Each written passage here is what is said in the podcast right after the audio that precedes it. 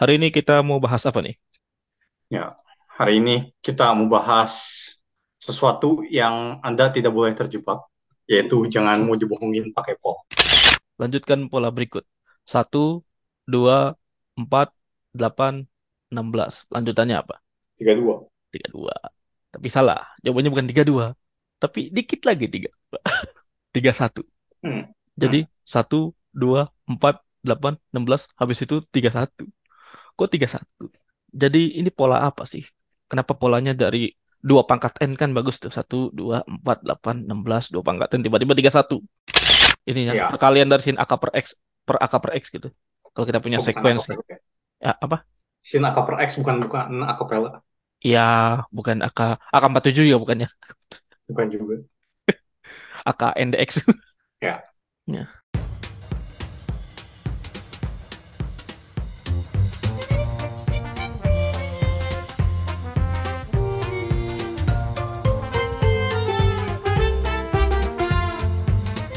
Selamat datang di podcast Bebas Linear. Di podcast ini kami membahas matematika dengan bebas namun masih berada di jalan lurus. Ya. Masih bersama saya Rizky dan partner saya Lawrence. Ya, seperti biasa kita akan membahas update apa saja yang terjadi di dua minggu terakhir di kehidupan kita. Kalau misalnya ada yang kalau misalnya mau langsung ke bahasan utama seperti biasa dicek di timestamp di deskripsi ya. Oke, ya, ini ya, kita mulai dari Lawrence dulu nih. Ada update apa dari Lawrence? Hmm, ya. Setelah konferensi belum ada apa-apa lagi ya. Kembali ke kehidupan normal. Ya, ya. Ya. Tapi eh, kalkulus sudah ada ujian lagi. Ya. Dan kali ini gradingnya menyenangkan karena lainnya pada jelek. Ah, I see. Terus gua ngomelkan di kelas. Nah, yang mengejutkan adalah tadinya ada yang males-malesan pas presentasi kayak datang, bawa makanan, makan, gak ngapa-ngapain. Terus setelah melihat lainnya, gue omelin jadi ambis. jadi sering ke papan nanya. Ya. Ya kayak Iya, mengejutkan. boleh bawa makanan berarti ya? Boleh, boleh. Oh, nice. Ya, ya terus eh ya gue gak tahu ya di sini kayak gimana gitu. Kan gue kan gue juga tidak tahu kultur di sini gimana. Terus gue bilanginnya apa? Ya kalian belajarnya mindsetnya aja udah salah gitu. Hmm. Tiap nanya apa selalu nanyanya ini buat buat ujian penting nggak? Bakal ada di ujian nggak? Hmm. Terus gue bilang ya kalau belajar belajar aja kayak apa? Ya coba eh, menjadikan belajar menyenangkan daripada mikirin ujian doang. Apalagi kalau lu pas ujiannya mikirin terlalu banyak tentang nilai, ya gak, bak- gak bakal fokus ke soalnya dan lainnya ya silahkan dilihat sendiri. Sekarang nilainya jelek. Ya. Ya, terus orang-orangnya langsung pada diem merenung. Hmm. Ya sama sama aja sih sama anak graduate juga. Ya banyak juga kan yang belajarnya bukan karena mau, tapi karena harus ngambil mata kuliah, terus harus lulus prelim. Ya, ya. Hmm. Nah, Itu ya, berapa kali ujian itu? total bakal empat kali. Ini baru Empat yang kali. kedua, Baru ya sebulan kedua. sekali. Oh, Ya mari kita lihat ujian selanjutnya. ya, Terus ada yang nanya, soalnya bakal lebih susah enggak ya? Bukan soal yang soalnya yang lebih susah, materinya yang lebih susah. Terus gue bilangin ya, kayak belajar belajar aja, gak usah mikirin gitu doang. Ntar juga kalau belajarnya bener mah, nilai mau mengikuti. ya. Ya, terus eh lu pernah bilang apa? Kalau di kampus lu gampang dapat B ya? Gampang dapat. 80, A-nya 90 kan? Ya, ya. Nah, kalau di sini eh dapat A tidak gampang juga sih, gampang dapat B juga. Cuma si A-nya tuh diturunin. Hmm. Jadi dilihat dulu nilai ujiannya. Pakai kemarin kan ujian aljabar nilainya jelek-jelek, terus batas A-nya diturunin gitu. Hmm. Kayaknya kan mestinya 9, nggak tahu 85 atau 90, nggak dibilang jelas sih. Aljabar kok topologi 85. Kok aljabar, eh, pokoknya batas A di UTS adalah 40 dari 60. Kayak jadi kecil banget. 40 dari 60 berarti ini ya. Eh 2 per 3 kan. Apa ya? Ya, 60, 6, 6,6. ya. Terus topologi juga, eh, tapi emang topologi dibilangnya nggak di-expect apa solve semua soal pas ujian. Jadinya batas A-nya 36 dari 51. Ah, ya. Ya pokoknya grad- graduate course mah pasti lulus. Cuma ya nggak tahu lulusnya A atau B aja. Ya, Ya, ya gitu lah. ya. ya. Kalau kalau standing lulusnya tuh ngaruh ke ini nggak? Ngaruh ke beasiswa gitu nggak? Misalnya kalau Iya, dibilangnya sih IPK-nya minimal tiga tiap semester. Oh, Ya makanya ya. pasti B lah dapet. Pasti Ya, tiga mah dapet. ya. Kalau kalau di aku kayaknya dulu dulu begitu juga sih kayak at least at least B gitu. Cuman untuk yang sekarang kalau kalau kalau kalau nggak salah ya kalau kalau itu bisa dicek sih di websitenya itu kayak ada pembagiannya lagi gitu. Jadi kalau misalnya bagus terus kayak misalnya A, A terus gitu itu bisa bisa masuk tier satu gitu. Jadi kayak ada pembagi pembagiannya. gitu. Kalau Hmm, sekarang kalau nggak salah ini bisa dicek saja di websitenya gitu. Tapi ini nggak nggak ngefek ke aku sih, maksudnya nggak ngefek ke angkatan-angkatan sebelumnya. hmm, Ya, ya. Oh, oke. Ya, tier satu tuh buat apa? Eh ininya apa ngaruh ke kayaknya ngaruh ke jumlahan salary-nya juga deh. Antara salary atau Eh, misalnya kayak ini an- antara salary atau apa eh apa misalnya kan kan sebenarnya kalau misalnya ngambil kuliah tuh defaultnya di sini tuh bayar gitu kan. Nah, Oh, ya itu oke. bisa jadi antara salary atau bisa misalnya digratisin semua gitu ngambil mata kuliahnya. Tapi kalau di intinya ngambil mata kuliah kayak kalau misalnya tier yang lebih bawah itu kayak mengambil mata kuliahnya kayak kena kayak diskonnya paling 50% doang gitu. Jadi sebenarnya sama aja. Ngaruhnya ke Hmm. selera-seleranya juga. Ya terus eh ya ujian perujianan mah gitu lah kayak cukup nyantai lah makanya harusnya dapat nilai A itu tidak sesulit itu lah di sini karena kalau nilainya pada jelek pasti diturunin batas nilai. Iya ya. Tapi kalau ya gue gue gue gue kayaknya pernah nanya kualitas soal ya. Kualitas soalnya bagaimana? Ada. Oh, gue belum pernah ngirim gitu. Oh, nggak Mas. Yang kalkulus. Kalkulus kayaknya Oh, kalkulus. iya. Jadi kalkulus, ah oke, jadi ah, ujiannya tuh dua jam, Ya. terus ah, 12 PG, 4 esai. PG. Ya, Hmm. terus tiap PG nilainya 5. Tiap soal PG nilainya 5, tiap esai nilainya 10. Hmm, iya ya. Nah, jadi ya total totalnya berdasarkan 60 plus 40 100. Ya terus. Ya. soalnya bisa seliar mungkin.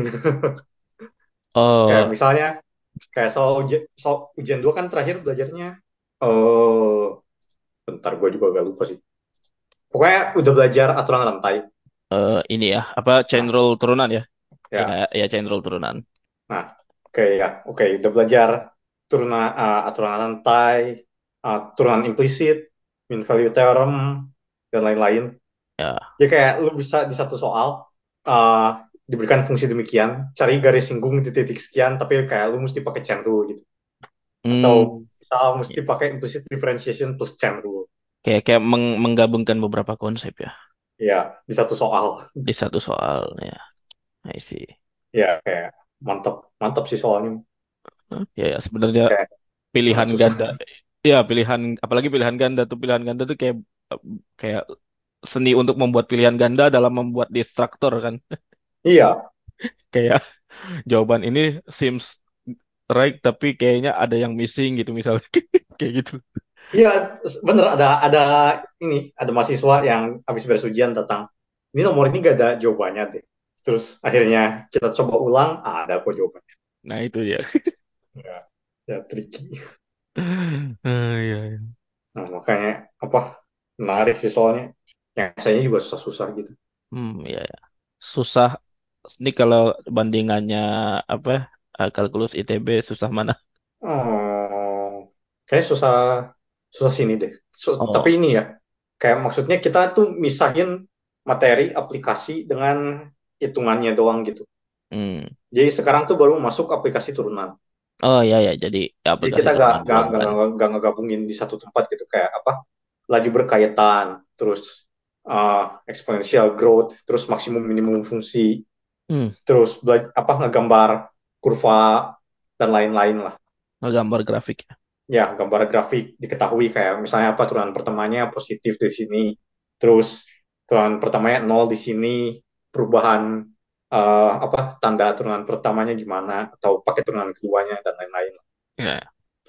Ya, kayak begitu. Hmm. Nah, makanya kayak di ujian yang kedua cuma satu doang aplikasinya apa? Linear and Quadratic Approximation kayak Oh, pengantar dari Taylor. ya ya itu itu ya apa? Oh, ada kuadratik juga berarti berarti masih lebih ini. Kalau linear kan ya apa? F apa F action diaproksimasi sama ini kan gitu kan. Nah, bukan. Eh, Nah, nilai fungsinya diaproksimasi sama ya ya, garis nilai nilai ya itu maksudnya nilai aproksimasi. Ya. Bukan Terus kalau ujian Ya. Oke. kalau ujian gua mah ya ya gitu aja sih. Ya susah. Cuma Hmm. ya bisa mau bisa aja sih. Hmm. Ya. Itu berapa berapa jam itu? Ya, ujian gue cuma 50 menit. Oh, ujian Ambil jam kelas. oh bukan ujian lo yang ujian kalkulus Oh, kalkulus mah 2 jam. Dua jam. Makanya kalkulus aja 2 jam gimana sih? Ujian graduate cuma sejam. Itulah lah, ya, gue tidak gue tidak mengerti lah. Gue gak tau mungkin mungkin ini kan ng- ngambil jam kelas kan kata lo kan. Apa kagak bisa ngelobi kali buat ngambil jam ruangan? 5. Hah? Kagak bisa ngelobi kali buat ngambil ruangan lain. Gak bisa ngelobi. Enggak sih, lebih ke gak ngambil jam di luar kelas. Oh. Di sini weekend tidak pernah disentuh aja. Kan kalau dia tapi mau ujian Sabtu, di sini mau weekend tidak pernah disentuh. Ya ya. Ya gitu aja sih. Hmm. Ya kalau dari gua ya kalau gua gua nggak kalau soal ngawas ngawas ujian ya udah kayaknya beberapa dua dua minggu yang lalu atau seminggu yang lalu Apanya? apa ya ngawas ujian ngawas ujian ya so soal ujiannya kalau di sini sebenarnya nggak susah sih nggak cuma ya ber bertele-tele aja ininya jadi kayak e pangkatnya di dalamnya ada ko eh E pangkat di dalamnya ada kos kos kos kos terus ada seperti kayak gitu-gitu jadi kayak panjang aja gitu ngerjainnya Ya di sini mah nggak se segitunya sih. iya ya Cuma maksudnya kayak pakai satu satu soal berapa konsep berapa sih. konsep kayaknya se- suka sih mo- model-model yang kayak gitu sih Hmm. ya kalau di sini lebih ke ya udah anda apalagi materi apa tur- turunan rantai kan ya udah masukin saja semua fungsi semua fungsi yang diajarin masukin saja. Eh pangkat tangan kos itu. Ya makanya kayak ya. Kayak lebay lah. kayak iya. Dan kayak gak dapet konsepnya gitu menurut aku maksudnya. Iya sih. Lebay cuma lebay doang. ya walaupun ada yang ada yang bagus sih. Dia dia ternyata udah diajarin apa kayak koordinat polar gitu dari bab, bab sekarang jadi Aku satu.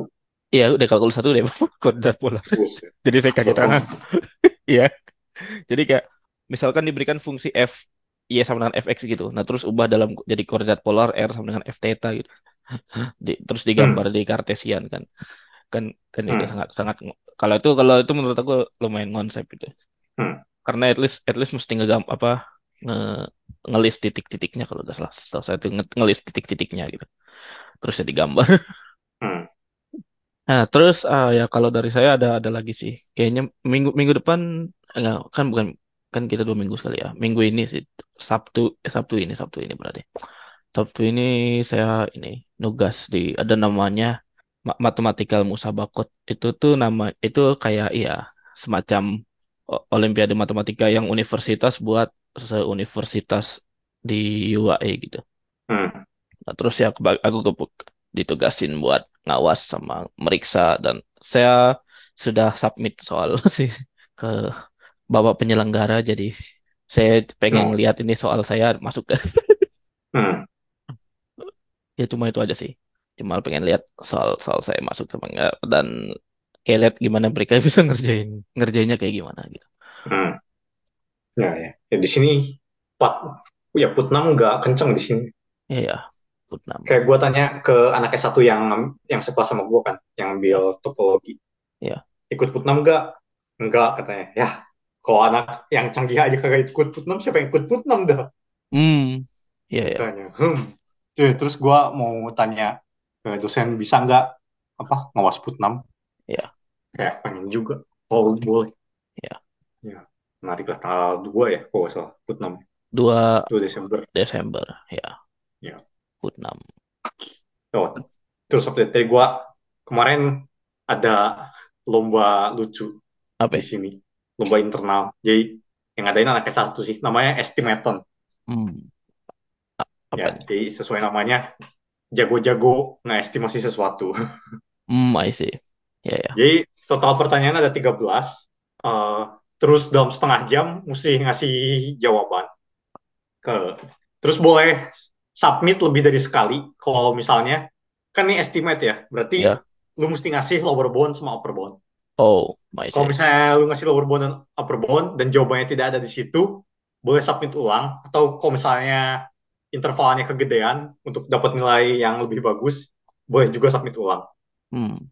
Pokoknya gak ada, gak ada batas lah. Sehabisnya kertas aja. Gue lupa dikasih 20 kertas gitu buat Ya. jawaban. Ya. Nah, terus uh, nilainya itu rasio upper bound sama lower boundnya makin kecil floornya makin bagus. Jadi, jadi ya strateginya, kalau misalnya kira-kira jawaban lu ada di 1 juta sampai 2 juta, Ya. mending ngasih lower boundnya 1 juta satu, upper boundnya 2 juta gitu. Kan floornya satu kan. Ya. Ya, jadi kayak gak usah terlalu dekat juga range-nya. Oh. Yang penting floor floor dari rasionya sekecil mungkin. Hmm. Tapi dia ada jawaban persisnya nggak? Misalnya yang eksaknya segitu, terus dinilai dari yang eksaknya gitu misalnya. Enggak, enggak dinilai dari eksaknya. Oh, Lu tidak mungkin menghitung eksak. Ini salah satu pertanyaannya. Berapa banyak pohon di University of Kentucky? nice one. Oh, ya. Maksudnya gua kira misalnya ke apa kompetisinya misalnya ada ada nih yang udah ngitung nih tim-tim suksesnya nih misalnya apa tim sukses apa kayak di belakang layar ada yang ngitung ini persisnya jam segini terus yang rasionya yang rasionya memuat nilai eksaknya terus yang paling kecil itu yang Apa lu tega? misalnya. Orang nebak banyak pohon di universitas Ya, ya juga sih. mendekat nilai eksak. Terus pertanyaan lainnya, berapa banyak kata berbeda di novel Lord of the Rings? Oh, ya ya. Semacam itu ya. Kata berbeda. Ya, Hmm. ya kayak pokoknya ada yang related ke kampus, tapi banyak kan related ke US. Mm-mm. Yang paling gampang adalah uh, banyak stream dari lagu Dynamite BTS di Oh, see. Spotify. Ya, Di itu paling gampang. Spotify. Oke, oke, oke. Di lagu. Terus berapa banyak tangga di gedung jurusan? Hmm. Ya, ya. Nah, terus ini kan 13 pertanyaan. Pertanyaan terakhir. Uh, berapa median dari ja- jawaban nomor 1 sampai 12? Ouch. Terus range-nya bener dong kayak wow, hoki. Dengan hanya memperkirakan jawaban per soal ya ini kira-kira ribuan, ini kira-kira jutaan, ini kira-kira miliaran. Ya setelah lihat-lihat medianya puluh ribuan lah terus beneran. Cuma sayang intervalnya kita tidak perkecil karena meragukan. Cuma udah cukup bagus lah. Terus dapat juara tiga. Yeah. Yeay. Yeay. Terus ini tim ya. Set- Ya, tim. Setim gua lima orang. Ya. Terus dapat ini diskon es krim 5 dolar mantap. Wow. Ya itu soal-soal estimasi kayak gitu kayaknya sering jadi ini deh. Apa kayak soal-soal wawancara kerja gitu. Hmm. Apa gue pernah antara wawancara kerja Google atau wawancara kerja perusahaan apa gitu. Cuman kayak kadang ada yang disuruh ngasih estimasi gitu. Cuman saya lupa est- suruh estimasi apa. Tapi itu itu seru sih kayaknya. Hmm. Ini tantangan buat pendengar coba estimasi jumlah views apa jumlah jumlah ini apa jumlah tayang atau play dari podcast ini. Hmm. Menarik ya. Jadi kalau yang yang menang kita kasih apa nih? Hmm. Yang menang kita mention jadi kita mention selamat. Kayak ini apa? ya? Price price is right tahu nggak price is right? Apa? Price is right tahu nggak price is right? Enggak. Ya, kuis, kuis, kuis zaman dulu. Price is right tuh. Jadi kayak kita suruh nebak harga suatu barang gitu. Hmm. Cuman kalau itu benar-benar yang terdekat dengan nilai eksak kalau itu the price is right itu. Hmm. Jadi kayak misalnya harga minyak, harga asupan minyak apa misalnya satu satu liter minyak enam puluh ribu ini saya nggak ini saya nggak tahu emang. Misalnya ya enam puluh enam puluh ribu gitu terus ada yang nebak delapan puluh ribu tujuh puluh apa terus di ketinggian bilangnya lalu diturunin seberapa gitu kayak nanti nanti lama-lama ada berapa ronde gitu yang di ronde terakhir paling dekat ke jawaban itunya paling ya itu menang gitu. Hmm. Oke. Eh, ada lagi? Apa lagi? Lagi. Update mah sudah lah. Ya, ujian selanjutnya topologi tanggal 8. Oke. Ya, sisanya sih tidak menarik. Sisanya tidak menarik. Oh ya, paling riset sudah ada hasil awal. Nunggu diskusi dulu sama dosen. Oh, oke. ya kayak somehow sehektik apa pun tetap ada waktu buat riset. Salah kebalikannya. Sehektik apa pun meluangkan waktu buat riset. Yes. Terus gue, oh, paling ini. Ya, eh, dua hari lalu konsultasi buat semester depan ngambil apa mata kuliahnya. Ya. Jadi kayak di sini sistemnya uh, mulai besok udah buka pendaftaran buat mata kuliah semester depan. Hmm. Jadi bukan pas libur antar semester milihnya. Hmm. Nah terus kalau gue lulus prelim, gue bisa ganti satu mata kuliah sama independent study ya, yaitu gue mau habisin buat riset sih waktunya. Soalnya sekarang walaupun ada waktu ya tetap aja terlalu banyak kemakan sama PR. Mesti mesti mesti ya mesti ngerjain PR juga kan ya ya. Iya, terus PR-nya mingguan kan ya itu males sih. Ya. Terus yang males yang malesnya adalah soalnya tidak tidak jelas banyak-banyak kayak aljabar tiap PR tuh 8 10 kayak ngapain? Banyak banget. 8 10. Tapi ini ini gue mencoba positif aja ya. Maksudnya tapi misalnya dari PR PR itu kan kalau kata lo di ICTP kan eh dia ada kayak ini ya misalnya apa kayak lu misalnya ngerjain lu dengan ngerjain PR lu lu kebuka tentang insight baru yang lu misalnya dari lu dari lu belajar di kelas terus ternyata dapat insight baru nih dari ngerjain PR. Nah, kalau di situ gitu juga nggak? Yang topologi ya, yang aljabar nggak terlalu sih. Apa cuma banyak aja gitu? Ya, yang aljabar mah cuma banyak tidak jelas aja sih. Kalau yang topologi ya sih. Ya, Terus ada satu soal yang gue suka banget soal PR terakhir. Kayak karena make hampir semua materi yang habis dari ujian pertama. Kayak wow keren. hmm. Ya terus semester depan sih rencananya salah satu matkul yang menarik yang bakal gue ambil namanya Topics in Analysis. Topiknya adalah Introduction to Singular Integrals. Nah ini gue sangat-sangat tertarik sih. Wow, singular integral. Ya ini harmonic analysis. Oh, Ya oke. terus PR-nya dikit juga kan. Ini dosennya dosen yang analisis dua kan, yang sama Ya. yang ngajar analisis dua. Mm-mm. Terus gue tanya PR, bakal ada PR enggak? Ada tapi bakal lebih dikit soalnya yang ngambil mostly yang lagi ngerjain disertasi juga. Hmm. Dia paling PR-nya dua atau tiga kali. Ya. Terus yang nilainya dari PR sama kehadiran doang. Ya, makanya ya bagus lah ngambil satu matkul yang nyantai. Ya. Minimal satu matkul yang nyantai. Ya begitu aja sih. Oke, ya itu. Ini menunya jadi. Ini di kan dengan dengan isu-isu dunia terkini, lu di di tempat lu lagi rame ini enggak apa? ya, Isu Palestine. Ada yang demo-demo gitu nggak? Katanya ada sih. Temen gue yang ikut kan. Oh, ya, ya itu udah jadi isu worldwide tadi di seluruh dunia demo di di Inggris, even dari apa kalangan Jewisnya juga demo gitu. Ya emang.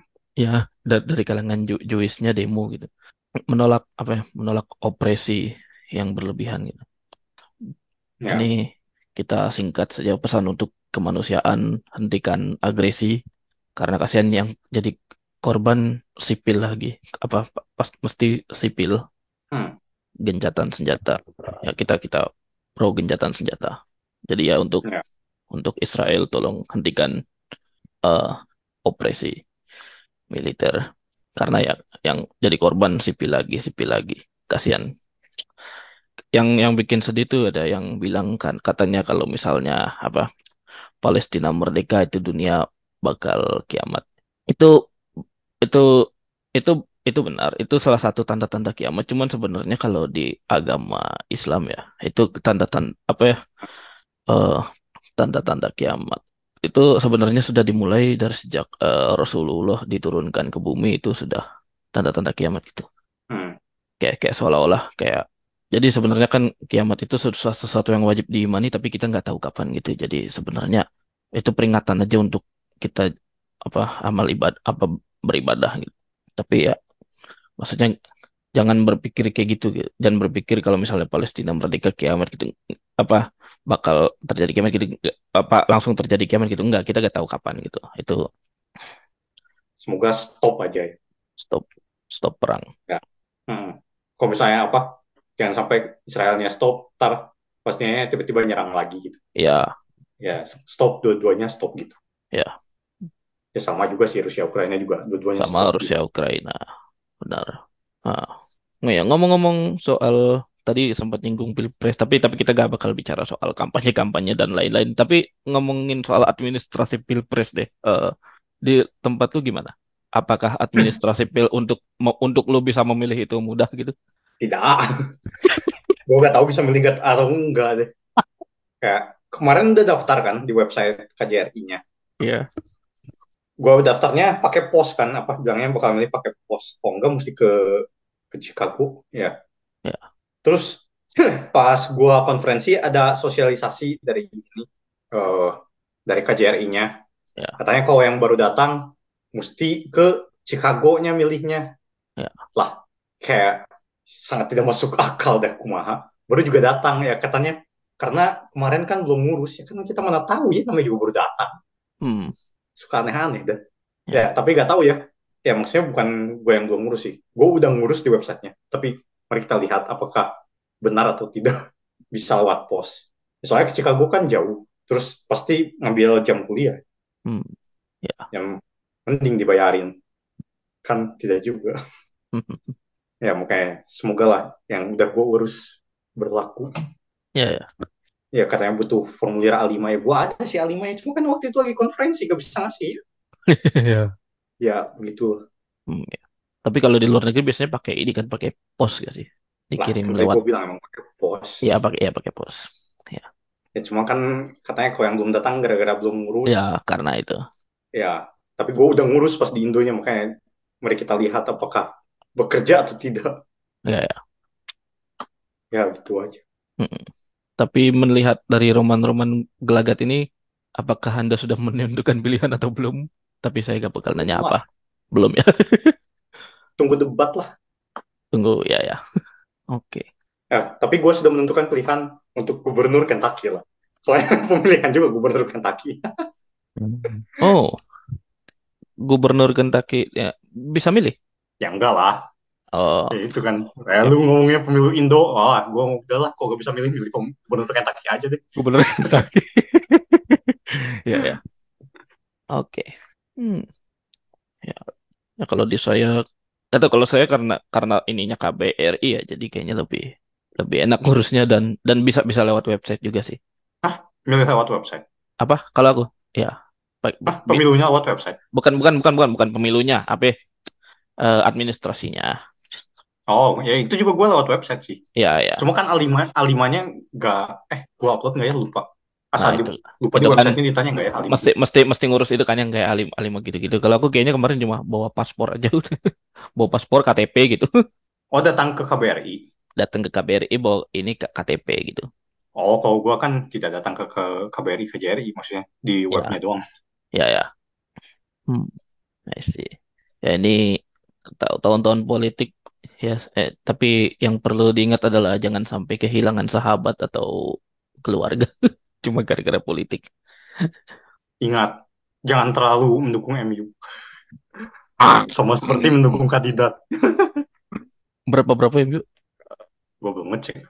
Sekarang kan lagi main. Udah kalah 3-0. Ah, 3-0. Nggak, nggak heran sih itu mah. Ya kali. ya, Ya kali mainnya mainnya mainnya berantakan kayak gitu menang. Ngarep menang tuh apa? Ya kalau lawan City sih mengejutkan kalau menang. Kalau lawan Ya, tim lain, ya kalau lawan Chelsea sih mungkin ya. kalau Chelsea mungkin. Mungkin mungkin. Ya, wah Oke, gila Chelsea. Parah banget habis ganti apa pemilik. ya ya. Cuk, Tapi tapi Chelsea sama MU kayaknya sehati tuh. Chelsea kalah, MU kalah. Emang. Aduh. Oke, karena sudah ngomongin bola ini bridging aja kita langsung aja bahas Champions League Oh, Week ini 3 ya. ya. Kalau di kalau di websitenya gue sudah terdaftar ya. Oh, I see. Tapi mari kita lihat kayak bagaimana. Oh, tapi statusnya pending, weh. Status pemilihnya pending. Hmm, I see. Ya, tapi bukan cuma gua. Ya, semoga lah bisa. Semoga bisa ya. Ya, oke. Kita ke bola. Ke bola ya, Champions League aja deh. Ya. Ada ada dari grup A. eh dari grup dulu ya. Mari kita cek. eh, grup apa ya? Mau bayar. Oke. Ya. Bayern, Bayern, Bayern MU itu. Ya. Jadi Bayern 3-1 Galatasaray. Ya, Eh, terus Inter 2-1 Salzburg. Ya, terus Napoli 1-0 Union Berlin. Union Berlin udah gue bilang nih. Ya, Kok mengejutkan ya? Jatuhnya jatuh banget ya dibanding musim kemarin. ya gak Baik tahu. di Liga maupun di Champions. Mungkin keberuntungan pemula. Ya, bisa jadi sih. Ya, Nah, terus eh, Arsenal 2-1 Sevilla ya kita tahulah rencana Sevilla bung Iya, apalagi apalagi kalau bukan peringkat tiga ya. benar nah terus eh, Bandung kalah sama Madrid kayak aduh Aduh, kalahnya tipis tapi sayang sekali sayang sekali. Bellingham ya. eh ya Bellingham kan. Ya tapi maksudnya bukan gol penentu sih Iya, soalnya agak. Bra- Braganya kalah 2-0 dulu baru 2-1 Iya, ya. terus Lens satu sama PSV PSV. ya oke terus Sociedad 1-0 Benfica tidak aneh yang aneh adalah MU menang 1-0 Copenhagen ag- terus Maguire man of the match kayak Maguire man of the match. Onana save penalty. iya kayak gimana Ya itu dia. Emang emang udah keajaiban udah satu udah 100 tahun udah udah tim gak jelas itu emang kan. Cara mainnya tuh kayak dari mu- kalau musim kemarin tuh masih jelas. Dia masih ngalir bolanya ke sini ke sini. Eh, musim ini gak jelas. ya makanya lah itu kayak kejadian eh, dua kali dalam 100 tahun kayak Ya, ya terus eh Barca 2-1 di Shakhtar Donetsk betul. ya tapi Barca baru kalah sama Madrid 2-1 juga kayak Ya, ah Bellingham Bellingham. menyebabkan ya calon sih calon bintang Kalau tahun depan bintang sih tahun depan ya. Iya. terus yang mengejutkan sih Lazio kalah sama Feyenoord ya kayak wah Hmm, gue kira bakal Lazio yang menang ya. Itu Bellingham itu calon ini ya, calon juara bersama timnas Inggris ya di Euro 2024 ya. eh tolong salah kayaknya Cuy, Harry, Harry Kane kan sudah tidak di Spurs ya, di Munchen sekarang. Mental juaranya udah iya. terbentuk ini. benar tapi ada dua hal yang perlu diperhatikan. Satu untuk Spurs yang salah bukan Ken-nya tapi yang salah Tottenham Spurs-nya. Sama juga dengan timnas Inggris. Tidak ada yang salah dengan pemainnya kecuali nama timnya timnas Inggris. Ketemu Maguire. plus Maguire. Ya terus Dortmund 1-0 Newcastle ya ini yang Hmm, cycle cycle lucu kan ya, ya Leipzig 3-1 Crvena Zvezda Pesda. ya terus City 3-1 yang Boys. boys ini yang mengejutkan PSG 3-0 Sama Milan nah Milan. ini yang cycle-cycle lucu kan Cycle-cycle ini. Ya PSG ngalahin Milan. Milan ngalahin Dortmund nggak ya? Saya lupa. ya, eh, Newcastle ngalahin PSG Ya, PSG ngalahin Milan Milan sama Dortmund Milan berapa sama? Dortmund udah main Udah harusnya. eh, Kan Dortmund Milan seri seri. Dortmund Milan seri Ya. Ya. Terus Dortmund ngalahin Newcastle ya kayak cycle lucu. Ya, terus yang sekarang yang di atasnya PSG ya. oh kayak lah tiba-tiba ya. Sangat-sangat lucu. Ya. ya terus Celtic 2 sama Atletico kayak kok bisa? Kirain Atletico yang bakal menang Atletico. terus ya pemuncaknya Feyenoord kayak lah gimana? Hmm, ya tapi masih tipis-tipis sih. Feyenoord Atletico Lazio. Lazio. Hmm, ya. Terus Porto 4-1 Antwerp ya. ya tidak aneh sih lah kalau Porto ya satu duanya sekarang kan Barca Porto Ya, ya berarti kalau dilihat dari posisi grup sekarang Bayern tinggal satu kali menang lagi langsung lolos ya sih. ya juara grup atau bukan Hmm. eh terus Madrid juga ya satu kali menang lagi langsung lolos Madrid ya. harusnya Ya, ya karena nggak aneh aja sih Braga menang tiga match sisanya nggak mungkin. oke grup D masih tanda tanya. Grup E masih tanda tanya. Grup F masih tanda tanya. Grup G juga City menang sekali lagi langsung lolos. Oh ini jelas-jelas langsung lolos ya. Kayak karena yang bosnya cuma satu poin. Ya, Ya, karena kalau kalau misalnya City langsung lolos. langsung Oh lolos. Ya, menang sekali lagi langsung lolos. Menang sekali lagi langsung lolos. Karena karena ada seri karena ada seri di situ. Kalau misalnya menang kalau misalnya misalnya ada tiga menang kayak dua, bisa 12 12 12 tuh. Kalau misalnya? 9 6 3 0 tuh dia masih bisa 12 12 12. iya kalau sembilan enam tiga nol. Ya, ini kan Iya, sembilan enam satu satu. Iya makanya karena ada seri di situ. ya makanya tadi juga Bayern Bayern sembilan empat tiga satu. Ya, tapi ya kayak sangat sulit terkejar. Ya, yang yang Madrid yang Madrid 9630 sih. Tapi kayak Braga sangat sulit mengejar gitu. Kayak gue bilang satu menang lagi juga kayaknya lolos. Tuh menang lagi harusnya harusnya lolos gitu.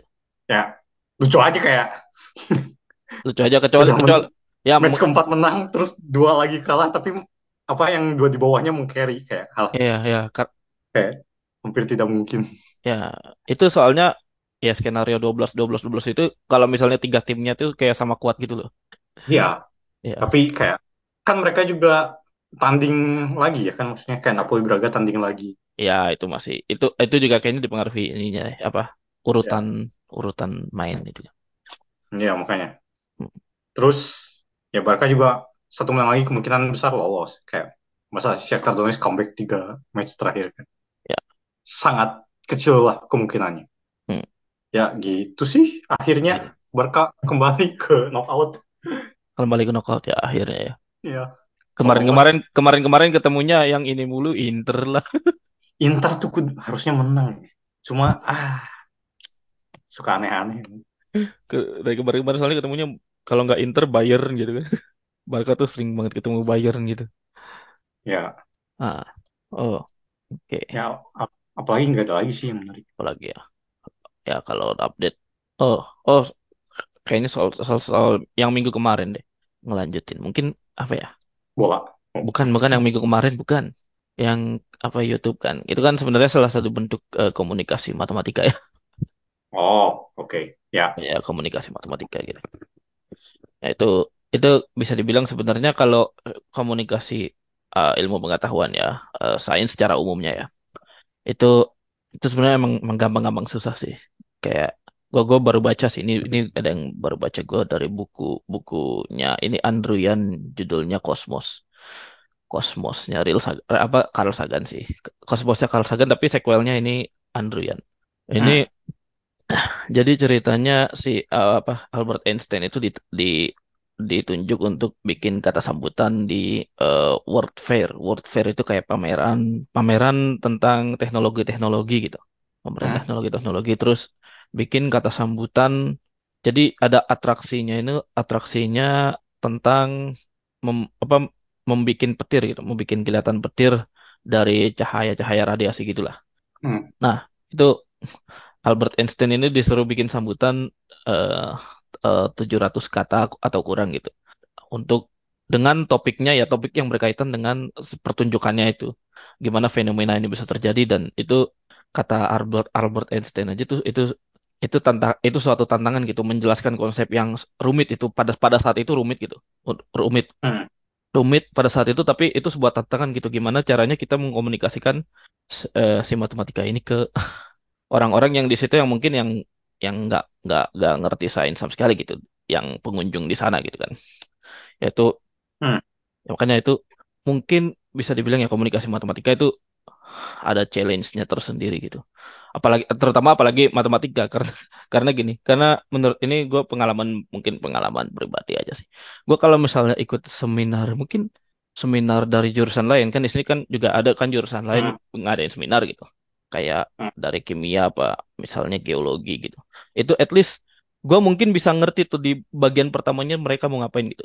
Mau bahas apa gitu. Apa yang concern mereka kayak mereka mau bikin apa misalnya dulu Ya, tentang apa. MX gitu kan bom atom enggak lah kenapa bom atom dong maksudnya mereka mereka mau bikin mau mau melakukan apa tuh mau menjelaskan tentang apa tuh at least saya ngerti gitu di di di babak pertamanya gitu. Meskipun Hmm, mungkin kalau ke ujung-ujungnya mungkin ah, ya muncul istilah-istilah teknis gitu ya ya oke lah. Cuman hmm, kadang kalau misalnya seminar matem itu kadang di awal aja itu kayak bentar ini ini ini artinya apa? gitu. Kayak kan udah tiba-tiba definisi gitu. Apalagi ter- terutama mungkin kalau yang bidang yang gak, gua agak familiar gitu. Kayak misalnya misal finance gitu. Sini kan kayak ada departemen finance kan di sini. Hmm. Departemen finance terus bahasanya bentar dan ini dari pertama kita mau ngapain sih gitu ya kayak Nah, gitu itu Nah, ini ada dua hal.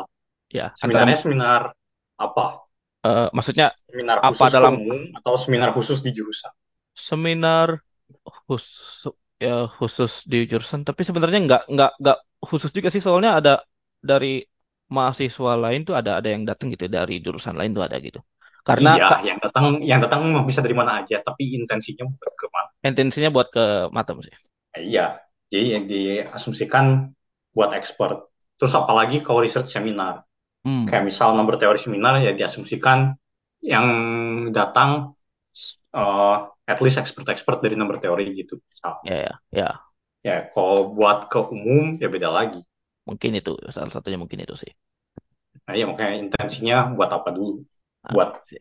riset seminar buat di jurusan atau emang buat di umum aja kayak misal apa orasi guru besar gitu kan. Hmm, Kalau itu kan emang buat umum gitu. kalau itu umum betul. Iya makanya tergantung buat apa. Hmm, iya, ya. Ah, see. Oke, oke. Ya terus maksudnya fisika, kimia, biologi, fisika gak tahu sih kok yang udah kuantum-kuantum minimal biologi lah ya. Iya, Kayak maksudnya dari SMA ke kuliah tuh tidak berubah banyak gitu. bisa jadi. Kayak term-term yang di SMA dan term yang di kuliah, di kuliah tuh pasti udah familiar gitu. Tapi kalau matang kan term di SMA sama term di kuliah udah beda Ya, benar, benar, benar. yang jurusan ya. Ya, Iya, ya makanya kayak kalau science lebih umum ya karena di sekolahnya juga udah pernah diajarkan gitu. di sekolah ya ada ada lah istilahnya kayak gitu, gitu geografi kan Ya, Hmm, bisa dipahami sih. Ya cuman maksudnya ini mungkin kayak berarti mungkin bisa dibilang eh eh, be- apa terutama matematika emang emang kan kata lu ada ada kata lu dari kuliah dari SMA ke kuliah aja beda gitu. Jadi kayak entry iya, entry barriernya emang sebenarnya lebih tinggi gitu. iya, Ya. Dan ya itu maksudnya kan kita mem- memegang peranan masing-masingnya maksudnya kayak katakanlah lu lu sebagai researcher mungkin lu nggak apa nggak terlalu memusingkan tentang apa eh misalnya how to communicate with eh eh, masyarakat awam gitu. Sementara kalau misalnya dari sisi gua ini kan karena kita kita run a podcast gitu ya.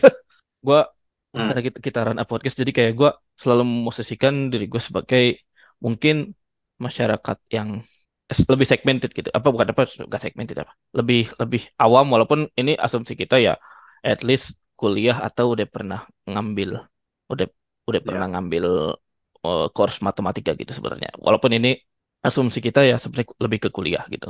Tapi tetap aja maksudnya gimana caranya apalagi untuk ya materi-materi yang lebih lanjut itu kan agak agak PR juga gitu. Jadi sebenarnya itu ya bisa dibilang ya it's it's not an easy task gitu. Ya, makanya gue nggak pernah ngasih materi yang terlalu aneh. Iya ya. Oh, terus gara-gara lu bilang apa? Apa? Yang bahasan YouTube juga, gue jadinya Ya. dengerin podcastnya Number File juga. Iya, ya, podcast number Ternyata file. menarik-menarik. Ya, Ya, yang mana? Yang mana? yang Timothy Gowers, James Maynard. Terus gue nonton juga penjelasannya Edward Frankel tentang Langlands Program. Oh ya ya itu yang baru itu. Lang Lans bener. Ya, baru sebulan kira-kira ya. Ya. Ya, ya lumayan lah buat basicnya doang mah. Cuma kalau udah go deeper ya tidak sesederhana itu Langlands Program. Ya ya memang memang. Ya, terus ya Frankel mantap lah ngejelasinnya. Ya itu Terus nice itu. di akhir-akhir, ya buat yang penasaran, silahkan baca buku saya. Mantap sekali promosinya bu. Hmm. Ya gitu aja sih. Ya maksudnya karena kita juga run a podcast gitu. Jadi kita kita selalu meminta yang misalkan masukan atau saran dari teman-teman misalnya kita ngejelasinnya kurang atau ada yang bisa bisa tolong dikoreksi atau dikasih tahu gitu. Ya, Tahu misalnya ngejelasinnya kurang dipahami bisa di kita ngasih feedback lah ke kita gitu. ya. Tapi kayak kalau misalnya ini terlalu shallow, ya tolong jangan Ya kalau terlalu shallow ya ya ya ya memang kita Itu not meant kan? not meant not meant to be deep. Iya, not meant to be Iya, deep apalagi audio bukan doang gitu. kuliah. Ya. Ya apalagi audio audio aja gitu. Ya, kita Ya, memang nggak menyentuh. Cuman maksudnya menurut gue mungkin ya kan di satu sisi kan kita punya role-nya masing-masing gitu ya. Maksudnya ya, ada yang emang kerjanya di high levelnya aja, ada yang kita perlu mengomunikasikan dari high level ke end apa eh, masyarakat awamnya gitu ya. Itu kita di sini tuh Hmm, berperan sebagai intermediate eh, levelnya gitu dan kita berusaha gitu. Dan ya seperti dikatakan Einstein aja itu itu itu gak mudah itu. Ya emang. Ya. Makanya kan udah ada buku Calculus for Infants. Ntar lah di masa depan gue nulis Langlands Program for Infants. Langless program for- boleh boleh boleh menarik itu Oh, boleh. Nah, sama nah nah cuman kalau misalnya terkait seminar ini kadang eh eh, jadi kan gue disuruh menyiapkan ya. Misalnya menyiapkan eh gue kayaknya ah, ya di di disuruh menyiapkan sesuatu, sesuatu ini ya apa seminar. Eh Hmm, jadi sebenarnya kan gue kemarin udah bukan bukan submit paper jadi jadi udah revisi paper revisi paper terus diminta buat bikin presentasi gitu buat se- seminar. Katanya kan di sini kan yang seminar yang tadi aku bilang yang ada ada, ada yang dari finance kadang ada yang dari optimisasi nah itu kayak kayaknya aku expect to ngisi di situ gitu nah kadang Oh, nah cuman kalau saya ketika saya bikin eh, suatu seminar untuk eh, math ya. Ya pasti asumsi saya at least math itu math dasar udah tahu lah ya eh, kalkulus linear Hmm, algebra dan macam-macam ya. At hmm, least di di I udah tahu gitu. Nah, kadang yang bikin saya bingung ini saya harus memulai dari? Eh, harus memulai misalnya kayak tempat tentang gue tentang eh eh, fraksional kalkulus kan. Jadi gue apakah gue harus memulai dari shift fraksional kalkulus itu motivasinya shift fraksional kalkulus? Padahal sebenarnya topik gue gak cuma shift fraksional kalkulus gitu tapi kayak ada ada sub sub apa sub topiknya gitu. Ada yang hmm, bahasan yang penting yang yang adalah gue nge-crack si pep apa suatu paper gitu hmm, atau oke lah gua gua mulai dari definisinya aja kita definisikan si fraksional kal- kalkulus ini seperti ini gitu fraksional integral adalah kayak gini gini bla bla bla lalu langsung aja nah, lalu langsung aja kita ke hasil yang udah gitu. Nah, itu kadang yang saya agak bu agak dilematis gitu. hmm. Antara ini gue jelasin motivasinya si fraksional ini dari awal atau oke kita lo- loncat langsung ke definisinya aja yang kita perlukan definisi-definisi ini gitu. Menurut lu lebih bagus approach, approach mana gitu? Menurut gua munculin sesuatu pada waktunya, pada waktu yang tepat.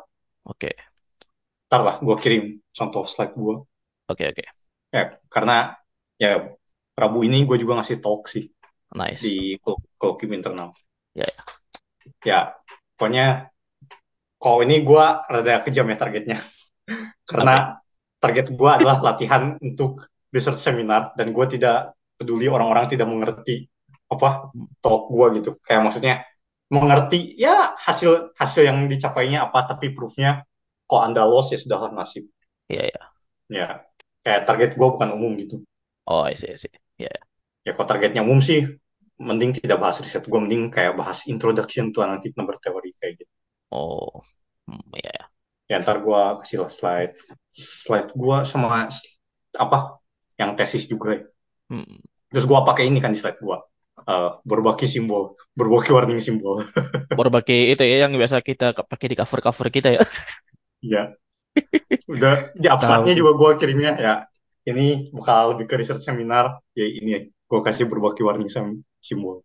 Eh, bakal bakal sulit. Yoi. Nice.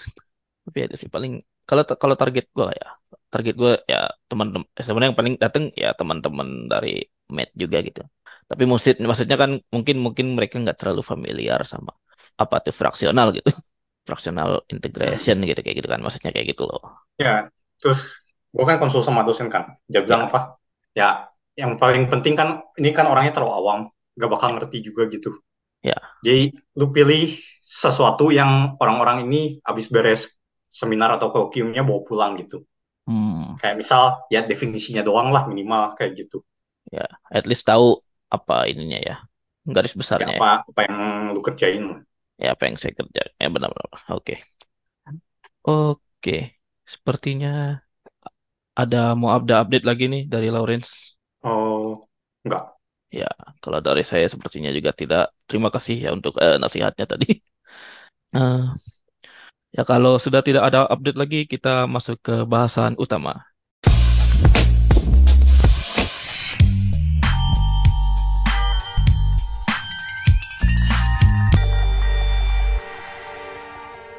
Hari ini kita mau bahas apa nih? Ya, hari ini kita mau bahas sesuatu yang Anda tidak boleh terjebak, yaitu jangan mau dibohongin pakai pol. Ya, jadi kan beberapa episode lalu kita bahas ini ya, generating function ya. Ya. Ya, tentang apa pola-pola terus kita eh, barisan sih sebenarnya nama resminya kan. Hmm. barisan terus kita generate suatu fungsi dari barisan tersebut. Cuman ya, kalau waktu itu kan kita bahasnya pakai contoh apa tes CPNS ya. Kenapa kita Hmm. ter- kenapa sebagai matematikawan kita jangan mau terjebak soal tes CPNS. Dia bilang semua barisan kita bisa pakai Lagrange interpolation, semua jawaban Iya benar. benar, semua jawaban benar. Itu dia. Tapi ya seperti kita tahu ya, ya bagaimanapun ya yaitu pola itu ya bisa kita bisa juga, bisa juga dibantu oleh pola gitu ya. Pola juga bisa membantu kita dalam memecahkan suatu masalah atau misalnya memprediksi apa yang akan terjadi gitu. Hmm. Namun ya terkadang polanya juga bisa mengecoh gitu. Dan untuk mem- mem- membuktikan kebenaran suatu pernyataan matematis gitu ya. Maka kita nggak bisa cuma pakai pola gitu. Kita nggak bisa menguji pernyataan ini dari satu sampai satu juta gitu. Tapi terus menyimpulkan kalau ini benar gitu. Bisa aja di satu juta satu salah kan gitu kan. Hmm. Ya, makanya kita butuh bukti matematis yang berlaku untuk eh, semua n gitu, semua bilangan asli atau berlaku umum lah istilahnya. Hmm. Jadi ya ini ada ber- beberapa ini adalah contoh beberapa pola yang pada awalnya nih kelihatannya bener nih polanya begini nih. Eh ternyata di akhirnya mengecoh gitu. Hmm. Oke. Yang pertama ada monster cycle, monster circle problem. Jadi Hmm. masalahnya nih adalah pola berikut nih. Lanjutkan pola berikut. Satu, dua, empat, delapan, enam belas. Lanjutannya apa? Ya, bisa apa pun kan dengan Lagrange interpolation. Ya, ya, ya, ya sih. Nah Ya, kalau tebak-tebakan ini aja, kalau kita nggak tahu konteksnya, nih jawabannya apa nih? tiga dua. Tiga dua. Tapi salah. Jawabannya bukan tiga dua, tapi dikit lagi tiga. Tiga satu. Hmm. Jadi Hmm. satu, dua, empat, delapan, enam belas. Habis itu tiga satu. Kok tiga satu? Jadi ini pola apa sih? Kenapa polanya dari dua pangkat n kan bagus tuh satu, dua, empat, delapan, enam belas, dua pangkat n tiba-tiba tiga satu. Oh. Nah Hmm. ini pola ini merujuk pada yang namanya monster circle problem. Jadi monster circle problem ini mas adalah suatu masalah. Jadi masalahnya eh, diberikan n titik di sebuah lingkaran ya. Lingkaran ini di di apa? Circle-nya ya. Di apa Hmm. namanya? Keliling lingkarannya. n titik di sebuah lingkaran. Nah, lalu tarik garis yang menghubungkan setiap titik ke titik lainnya. Nah, Hmm. ada berapa banyak area maksimal di dalam lingkaran yang bisa dibentuk gitu. Dengan asumsinya adalah setiap titik di interior lingkaran ini merupakan pertemuan dari hanya dua garis. Hmm. Jadi kar- karena kita nyari maksimal kan. Kalau kalau ada yang satu Ya. titik ada, eh, irisan tiga garis kan jadi nggak maksimal tuh. Jadi asumsinya titik di interiornya nih cuma hasil dari dua garis. Nah, ini kita mulai dari satu dulu ya. Satu. Kalau misalnya ada satu titik, ya kita nggak bisa nggak ada titik lainnya, kita nggak bisa bikin garis apa pun kan. Jadi ada satu area doang kan di dalam lingkarannya itu eh, eh, cakram lingkaran itu sendiri ya. Hmm. Nah, kalau misalnya ada dua titik, maka ada satu garis yang bisa dibuat itu. Ya. Nah, nah lalu garis ini membagi lingkaran jadi dua area kan, Hmm. Atau dua bagian gitu. Nah, kalau misalnya ada tiga titik, maka di dalam lingkaran ini karena setiap titik dihubungkan ke titik lainnya, ke setiap titik lainnya, jadi akan membentuk segitiga kan. Ya. Ya, nah, lalu segitiga ini membagi lingkaran menjadi empat bagian. Empat bagian yakni segitiga itu sendiri sama tiga tembereng ya, kalau yang di apa dibatasi oleh eh, apa namanya ruas garis dan busur lingkaran itu kan. Jadi ada Ya. satu apa segitiga sama tiga tembereng gitu. Jadi empat. Nah, kalau misalnya ada empat titik, lalu kita hubungkan ke setiap titik ke tiga titik lainnya gitu maka kita akan mendapatkan empat area di dalam segi empat gitu, yang dibentuk oleh sisi-sisi segi empat dan diagonal. Jadi kayak kotak X gitu, kotak X gitu kan. Hmm. Kotaknya kan membentuk empat area nih. Lalu ada temberengnya kan, temberengnya empat biji kan. Hmm. Jadi totalnya ada delapan area. Hmm. Nah, lalu kalau ada lima titik, kita hubungkan ke setiap titik, setiap titik ke empat titik lainnya. Lalu hitung banyaknya area di dalam lingkaran gitu. Hmm. Nah, ini kita akan memperoleh 16 area. Hmm. Jauh ini masih ngikut pola ya. Polanya dua pangkat N-1 gitu. Hmm. Nah, tapi kalau misalnya kita bikin 6 titik, maka polanya akan berantakan, akan salah gitu. Karena mau bagaimanapun kita menyusun titiknya, maksimal kita cuma bisa memperoleh 31 area di dalam lingkaran tersebut. Ya. Ya, jadi nggak 32 gitu.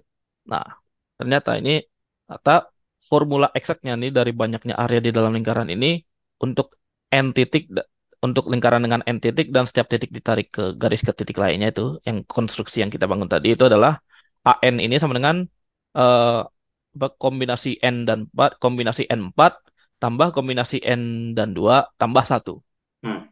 Dan ini pembuktiannya menggunakan karakteristik Euler ya untuk planar graph ya ini apa vertex kurang edge tambah face sama dengan dua ya, untuk apa planar graph ini pembahasannya di Tribluan Brown ada ini monster circles problem ini. Nah tapi ternyata itu bukan kebetulan semata gitu. Kenapa 1 2 4 8 16 ini bukan kebetulan semata gitu? Hmm. karena kalau kita tinjau segitiga Pascal, kan baris ke n plus satu ya kan kalau baris pertama kalau baris pertama kan satu satu gitu kan apa satu satu satu terus baris kedua satu satu gitu terus baris ketiga satu dua satu gitu kan nah baris ke n Hmm. plus satu ini isinya satu terus kombinasi n satu terus kombinasi n dua terus kombinasi n tiga kombinasi n empat sampai kombinasi n n gitu kan nah jumlahan elemen di Hmm. baris tersebut nih di baris ke n plus satu ini adalah eh, dua pangkat n Hmm. Nah, kan tadi kan kita AN-nya adalah eh, kombinasi N4 tambah kombinasi N2 tambah satu Jadi kayak satu tambah kombinasi N2 tambah kombinasi N4 itu kan jadi kayak loncat dua kan. Ya. Nah, kalau misalnya kita hitung jumlahan loncat dua pada baris ke N plus satu gitu di segitiga Pascal, yakni ya satu tambah kombinasi N2 tambah kombinasi N4 tambah kombinasi N6 dan seterusnya gitu. Nah, maka jumlahan loncat dua ini sama dengan setengah jumlah dari baris tersebut, ya kan? Yakni dua pangkat n min satu karena kan ini simetris ya bentuknya ya ya nggak sih ya kan ya Hmm. karena kan simetris kan satu satu satu dua satu satu tiga tiga satu satu empat enam empat satu kan simetris tuh dari dari depan ke belakang sama gitu terus ya Hmm. karena pembentuk karena segitiga paskalnya itu sendiri dia ngebentuknya kan baris ke ini kan di jumlah adalah jumlahan dari dua elemen di atasnya kan gitu kan ya Hmm. makanya kalau misalnya kita ada kayak kita ke- ngejumlahin loncat dua itu sama aja kayak jumlahan dari baris sebelumnya Hmm. Nah, jumlahan baris sebelumnya ini adalah 2 pangkat N min 1 dan AN ini kebetulan sama dengan jumlahan loncat duanya. Jadi kebetul kebetulan emang sama sampai baris ke-6. Hmm. Sampai baris ke-6 berarti ya ya dua apa kalau baris ke-6 1 1 1 1 2 1 1 3 1 oh kita baris, baris ber- berarti berarti 1 5 kan 1 5 10 10 5 1. Nah, itu masih masih sama tuh karena karena si 1 plus N cus 2 plus N cus 4-nya ini sama dengan jumlahan setengah barisnya. Nah, mulai dari baris ketujuh, nah ini baris si AN ini kurang dari jumlahan loncat duanya gitu. Karena udah ada N cus 6 di situ. Hmm. N cus 6 ke atas udah mulai ada di baris ketujuh. Jadi A A6 ke atas ini tidak sama dengan du, dua pangkat N min 1. Ya misalnya untuk misalnya untuk A6 ya. A6 baris ke A6 kita tinjau baris ketujuh segitiga Pascal. Jadi 1 6 15 20 15 6 1. Nah, jumlahan loncat duanya 1 lima, tambah 15 tambah 15 tambah 1 gitu 32. Tapi kalau dari rumus AN-nya ini ini adalah kita cuma ngitung 1 tambah 15 tambah 15 gitu. Makanya dia kurang 1 gitu. Hmm. Nah, itu. Jadi ini polanya mengecoh tapi sebenarnya bisa dijelaskan gitu kenapa sama di awal gitu. Hmm. Nah, lalu ada lagi pola yang serupa tapi beda. Jadi tadi kalau ditanya 1, 2, 4, 8, 16, jawabannya berapa? Lanjutannya Ya. Ya kan tadi udah. 31. Tadi jawabnya, jawabnya 31. Kalau ini salah, ini jawabannya 30. Hmm. Jadi ada pola lain yang awalannya 1, 2, 4, 8, 16 juga. Hmm. 1, 2, 4, 8, 16, 30. Lalu selanjutnya 60, 96, 160, dan seterusnya. Ini pola ini adalah eh, banyaknya faktor dari n faktorial. Hmm. Banyaknya faktor n dari n faktorial. Ini kebetulan sama dengan dua pangkat n min 1 untuk n sama dengan 1 sampai 5. Hmm. Nah, ini ini penjelasannya kalau ini bisa kayaknya kan dari 1 1 sampai 3 ini jelas karena karena kan satu kali dua kali tiga masih masih prima semua ya. Hmm. Masih prima semua. Nah, kali 4 ini sebenarnya harusnya udah udah ngaco nih. Tapi ternyata si 4-nya ini kan masuk kedua ya. Jadi kayak 2 pangkat 3 kali 3 kali 5 gitu. Eh, 2 pangkat 3 kali 3 kan. Kalau 4 faktorial gitu ya. Hmm. 4 faktorial kan 2 kali 3 kali 3. Nah, banyak faktornya ini pangkatnya dikurangin 1 dikaliin semua. 3 kurang 1 eh dikurangin ditambahin 1. 3 tambah 1 kali eh 1 tambah 1 gitu. 4 kali 2 masih masih sama gitu. Terus Hmm. dikali 5 masih masih kebetulan karena 5 ini prima ya jadi masih dikali 2 gitu. Jadi seolah-olah 2 pangkat n gitu. Hmm. Nah, baru sampai 6 udah mulai ngaco. Oke. Lanjut. Ya, oke. Jadi selanjutnya ada uh, banyaknya ruang hasil potongan n bidang. Ya. Nah, jadi kita punya ruang tiga dimensi. Nah, lalu kita punya satu bidang. Jadi bidangnya ini uh, tak hingga ya, panjang Ya, dan ya. luasnya. Ya. Atau kalau misalnya berhingga boleh lah, misalnya di kamar gitu, terus punya satu bidang. Ya. Nah, satu bidang ini membagi ruangan tersebut jadi dua bagian.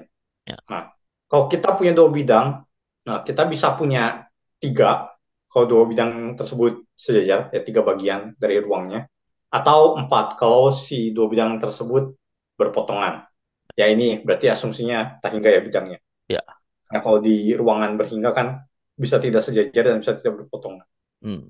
Nah, sekarang kalau misalnya tidak ada dua bidang yang sejajar dan kita pengen cari konfigurasi yang membuat banyaknya ruang maksimal. Ya. Ya, ya pembagian ruangnya maksimal. Ya. Nah, itu ada berapa banyak gitu.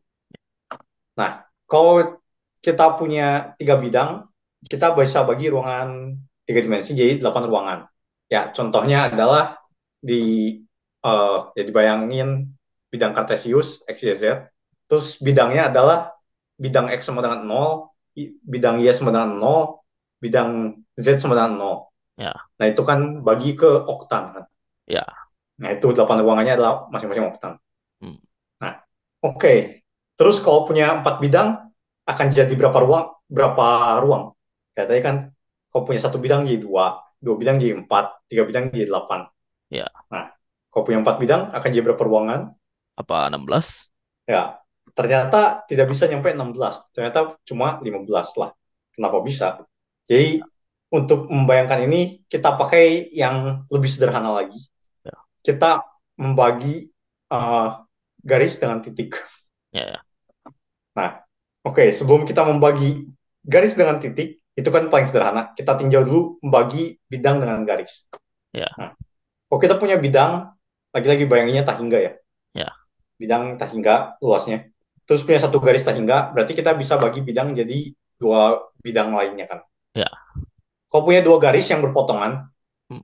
kita bisa membagi bidang tersebut jadi empat bidangnya. Contohnya di kuadran di Cartesius. Ya, ya. tapi kalau misalnya punya dua garis sejajar, jadinya cuma bisa tiga bidang. Ya. Ya, sekali lagi kita tinjaunya yang berpotongan semua lah. Yang maksimal, yang bikin pembagian ya. ruangannya maksimal ya. Ya, yang bikin pembagiannya maksimal. Kalau kita punya tiga garis, maksimal kita cuma bisa bagi bidang tersebut jadi tujuh bidang. Ya. Nah ini lebih kecil lagi dibanding yang tadi membagi ruang dan bidang. Ya. Nah sekarang kalau kita punya bidang yang dibagi, ya yang dibagi oleh dua garis, ya. kayak kita pengen tahu kenapa ya tadi kalau punya tiga garis maksimal tujuh. Ya. Ya. Jadi bayangin punya bidang dibagi oleh dua garis. Ya. Terus pengen nambahin garis ketiga kan. Nah garis ketiga ya. ini maksimal hanya bisa melewati ya, tiga dari empat bidang tersebut ya.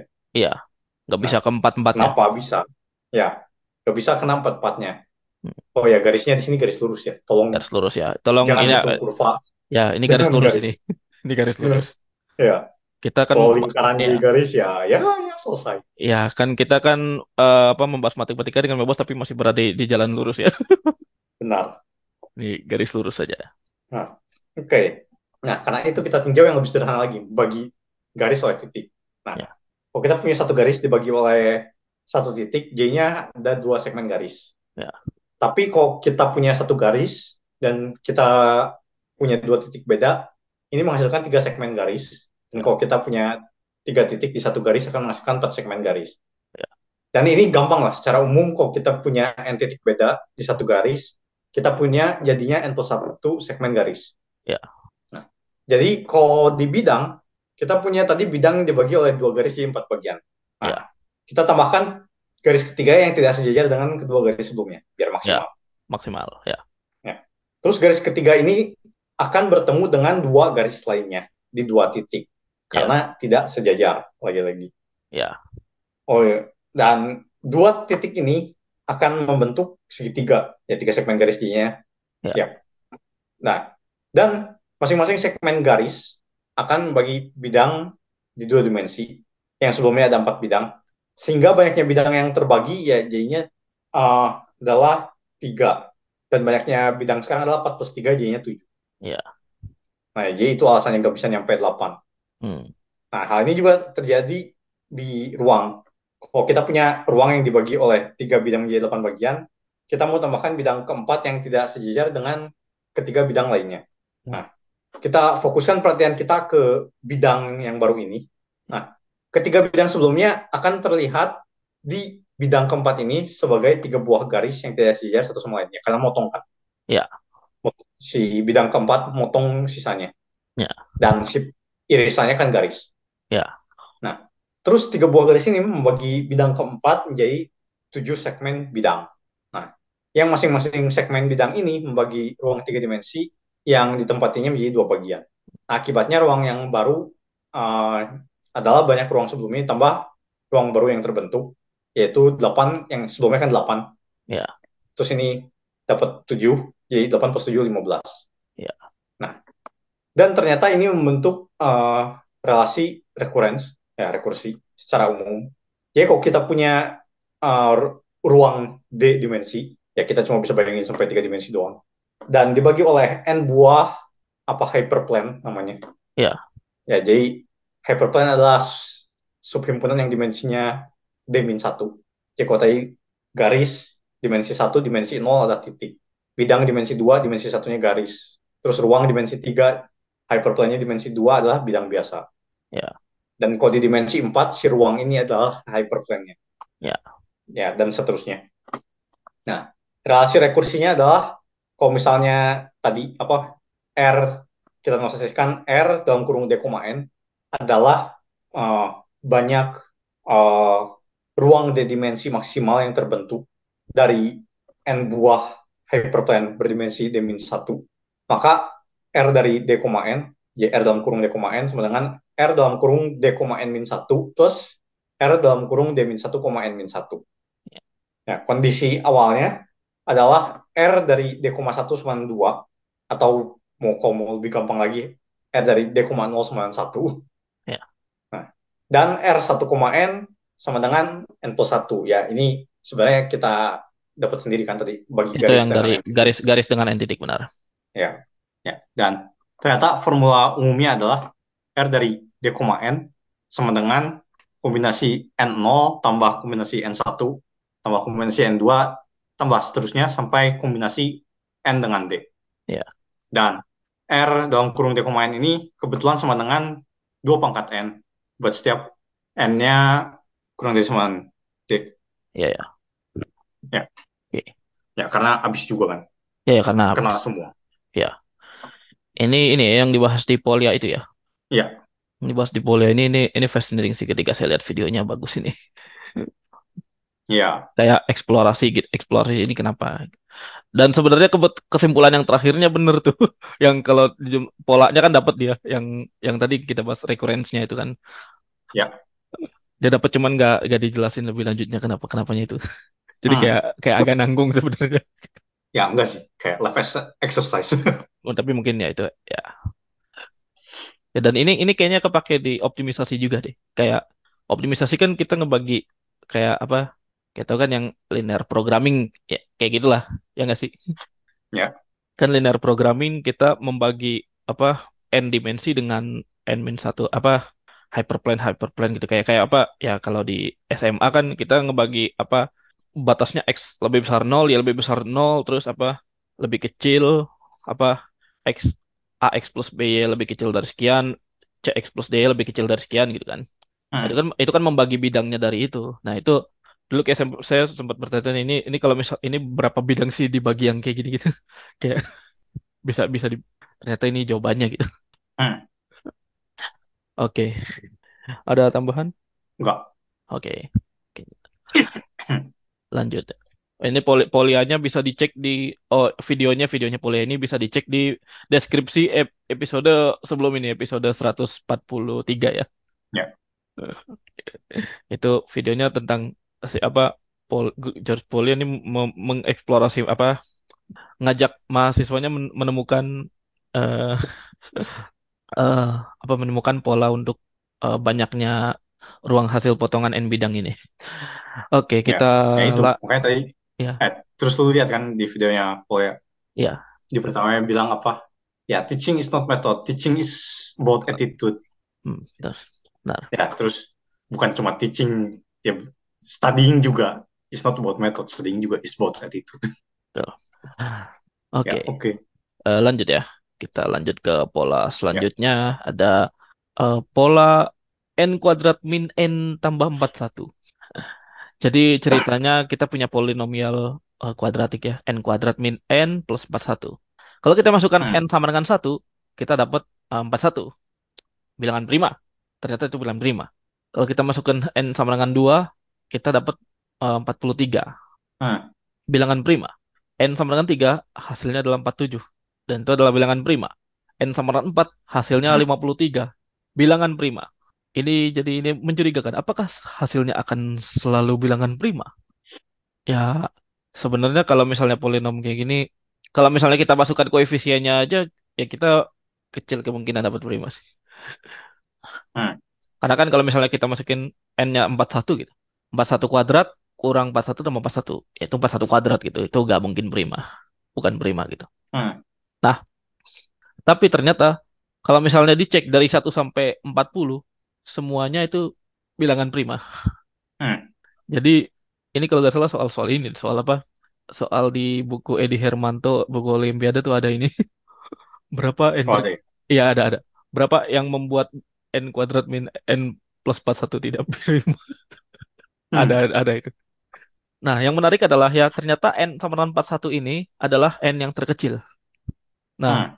jadi dari n sam 1 sampai 40 n kuadrat min n plus 41 ini selalu prima. Nah, hal ini membuat 41 ini disebut sebagai Euler's lucky number. Lucky number ya no- number apa bilangan keberuntungan. Jadi Hmm. definisinya Euler's lucky number ini adalah bilangan k di mana polinomial n kuadrat min n plus k ini dalam n ini menghasilkan bilangan prima untuk n dari 1 sampai k min 1. Hmm. Nah, apakah ada banyak bilangan-bilangan yang kayak gitu? Yang kayak 41 ini? Ternyata ya setelah dicek ini bilangan-bilangan yang merupakan Euler's lucky number ini adalah 2, 3, 5, 11, 17, dan 41. Sel- ya lebih dari 41 tidak ada lagi. Jadi 41 ini ternyata adalah lucky number terbesar. Hmm. Nah, nah, tapi ternyata nih fakta-fakta ini berkaitan dengan yang namanya Heegner number, yakni bilangan square free, bilangan square free D sedemikian sehingga lapangan kuadratik Q akar min D ini memiliki kelas number 1. D-nya positif. D-nya positif ya. Square free berarti D-nya bukan kuadrat, eh, nggak mengandung faktor kuadrat ya. Ya. Nah, bilangan 41 ini berkaitan dengan Heegner number 163, yakni eh, 41 kali 4 kurang 1. Ini adalah diskriminan dari eh, n kuadrat min n plus 41. Hmm. Dan nah Heegner number 163 ini adalah Heegner number terbesar. Nah, dan lalu kenapa ini bisa berkaitan? Karena ini Rabinowitz membuktikan bahwa polinomial n kuadrat min n plus D menghasilkan bilangan prima untuk n sama dengan 1 sampai d min 1 jika dan hanya jika minus diskriminannya adalah Heegner number gitu. Nah, jadi ini sebenarnya ada ada cabang matematikanya tersendiri gitu yang meneliti tentang ini. Gimana kalau misalnya bentuknya nggak n kuadrat min n gitu, bisa aja misalnya n kuadrat plus apa an kuadrat plus bn plus c gitu. Berapa ap- apakah kita bisa menghasilkan bilangan prima yang berurutan gitu? Dan ternyata ya ada gitu bentuk-bentuk polinomial pol- polinomial yang merupakan generator bilangan prima gitu. Misalnya eh, 36n kuadrat kurang 810n tambah 2753 ini ditemukan oleh eh, Fung dan Ruby yang memberikan ini bilangan prima dari n sama dengan 0 sampai 44 Hmm. atau eh, ada polinom pangkat 5 yang menghasilkan bilangan prima untuk n sama dengan 0 sampai 56. Ini yang paling tinggi sampai saat ini yang apa yang paling tinggi apanya? Bilangan prima berurutannya paling banyak dari n sama dengan 0 sampai 56 ini. Ini ditemukan oleh Dres dan Landreau pada 2002. Ini bisa dicek di OIIS A121887. Tapi tambah. Apa? Oke, tambahan. Oke. Ya, jadi mungkin ada yang tidak tahu apa itu kelas number. Ah, itu dia. Nah, kelas number ini, jadi kita kan punya ini Q uh, adjoin Iya. akar min D kan lapangan. Ya. Ya, jadi kalau yang belajar teori Galois, ya ini uh, ekstensinya Galois. Hmm. Karena uh, order ekstensinya dua dan order Galois grupnya juga dua. Hmm. Nah, terus ada yang namanya ring of integers dari lapangan ini. Nah, itu ring yang kayak bilangan asli. Ya, namanya juga ring of integers gitu kan. Nah, jadi ring, of integers-nya ini kebagi dua. bisa jadi Z dari akar min D. Itu kalau D-nya kongruen 1 mod 4 gitu. Mari kita cek dulu biar tidak salah. Oh, salah. jadi Z dari akar min D kalau min D-nya kongruen 2 atau 3 mod 4. Terus Z dari 1 plus akar min D per 2 kalau min D-nya kongruen 1 mod 4. Hmm. Dan kalau D-nya kongruen 0 mod 4, ya gak bisa itu tidak square free dong. ya. Kita bisa buang itunya, tinjau yang square free-nya dong. Ya, ya. Nah, nah, jadi itu ring of integers-nya.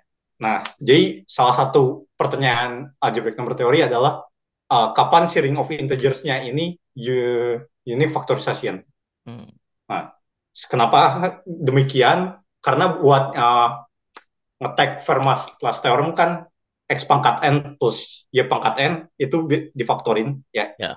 Apa attack yang paling awal dari Kummer hmm. adalah perkalian dari x plus n root of unity y. Hmm. Nah, itu sama dengan X pangkat N plus Y pangkat N. Nah, kalau misalnya lancar-lancar saja, ya berarti Fermat theorem bisa di dengan cara begitu. Nah, tapi ternyata tidak gitu. Bilangan terkecil sehingga jelek itu uh, adalah 23. Jadi di 23 cara demikian untuk attack Fermat theorem gagal. Oh. Nah, jadi kelas nomor ini ya nanya kapan si ring of integers-nya ini, ini faktorisasinya domain. Jadi kalau kelas nomornya satu iya, kalau kelas nomornya lebih dari satu, ya itu berarti mengukur seberapa dia tidak unique factorization domain gitu. Kayak jadinya kok kelas nomornya makin besar, si satu bilangan ini makin banyak bisa ditulis sebagai hasil kali uh, bilangan yang non unit lah. Jadi kayak contohnya di Z akar 10 deh. Kita pakai yang positif aja ya. ya. Uh, atau pakai yang negatif. Boleh deh. Kalau coba Z akar min 10, bentar. Kayaknya uh, jelek juga. Mari kita cari angka yang lebih gampang. Kita ambil soal prelim. oh, ini.